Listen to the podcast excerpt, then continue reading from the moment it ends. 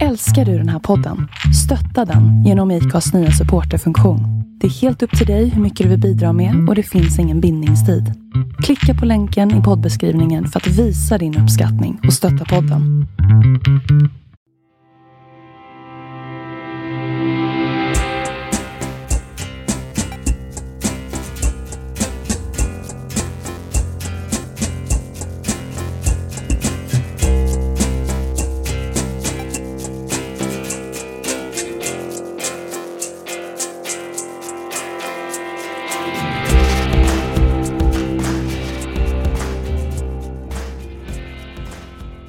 Hej Andreas, hur är det idag? Det är bara bra. Ja, vad gör vi här idag egentligen? Ja, vi är här idag, men det är att vi ska nu spela in en podd som handlar om där vi ska förklara politiken. Där Andreas och Viktor ska förklara, förklara politiken. Ja, som sagt, varmt välkommen till podcasten Andreas och Viktor förklarar politik.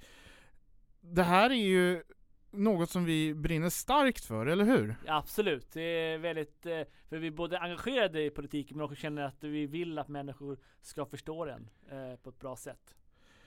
Ja, och det är inte varje dag man sitter här och spelar in en podcast, så hur kom vi egentligen på den här idén?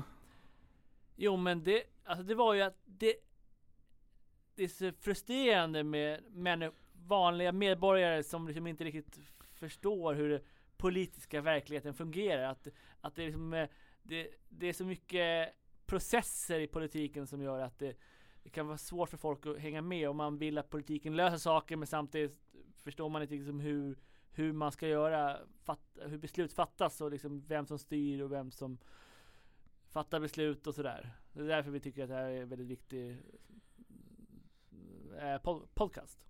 Ja, och vi ska ju vara helt öppna. Vi, vi är ju båda aktiva i Liberalerna. Jag eh, jobbar med politik på heltid och eh, du är fritidspolitiker idag. Precis.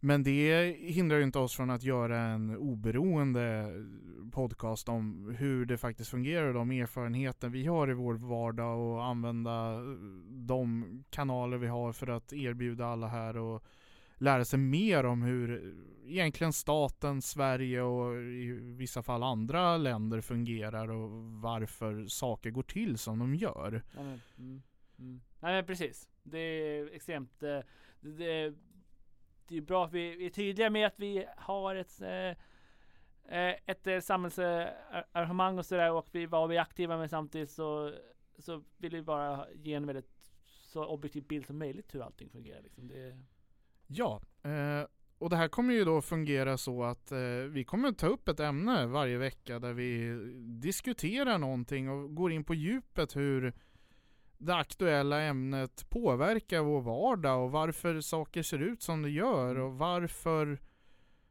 till exempel varför har vi en riksdag i Sverige överhuvudtaget? Varför heter det riksdag? Mm. Ja precis, det kan vara ett ämne. Eh, och eh, vi vill ju kanske också eh, när, när ni som är lyssnare kanske kommer in med liksom vad som ni skulle vilja ha förklarat så kan vi ta upp det också. Det, det vill vi gärna höra vad som vad ni kan komma med för input och sådär, vad vi ska förklara djupare. Eh, och sådär. Det där ska bli jättekul och förhoppningsvis kan vi ha lite gäster även i framtiden som är verkligen experter inom Ja. sitt område. Ja, både experter men även liksom eh, re- regionstyrelseordföranden, kommunstyrelseordföranden eller kanske någon riksdagsledamot till och med. Ja. Eh, ja. Ja, och eh, även eh, personer som kan komma hit och ställa frågor. Varför görs det på det här viset? Ja, jag förstår inte, hjälp mig att förstå. Mm.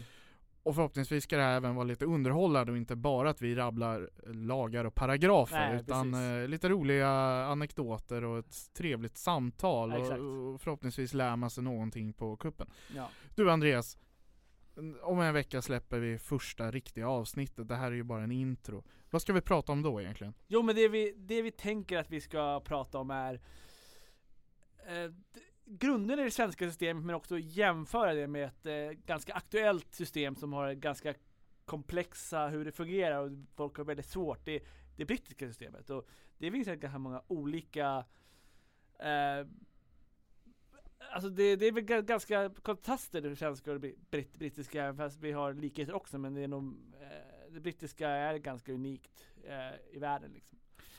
Ja, eh, det kallas ju eller det är grunden för ett system som används i många länder. Mm, ja. eh, Westminster-systemet som det kallas. Ja, Och det är väldigt olikt det svenska systemet, det ska vi Mm. verkligen vara öppna med. Trots att vi båda är konstitutionella monarkier. mm. Och att eh, ja, i grunden så är, är det riksdagen och parlamentet som är det, det, det folksuveräna, eh, det är det som är grunden i systemet. Båda, båda, eh, båda, där båda länderna är det parlamentet som är, alltid är den sista ut, utlämnaren efter att folket har röstat dit dem. Liksom.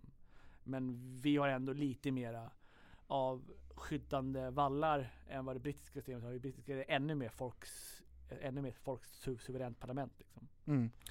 Ja, men ni får väl eh, återkomma nästa vecka och höra mer om svenska parlamentariska systemet mot det brittiska Westminster-systemet. Jag tror det kan bli riktigt roligt. Ja, Vi, verkligen. vi ses om en vecka Andreas. Ja, det gör vi. Tack så mycket. Tack.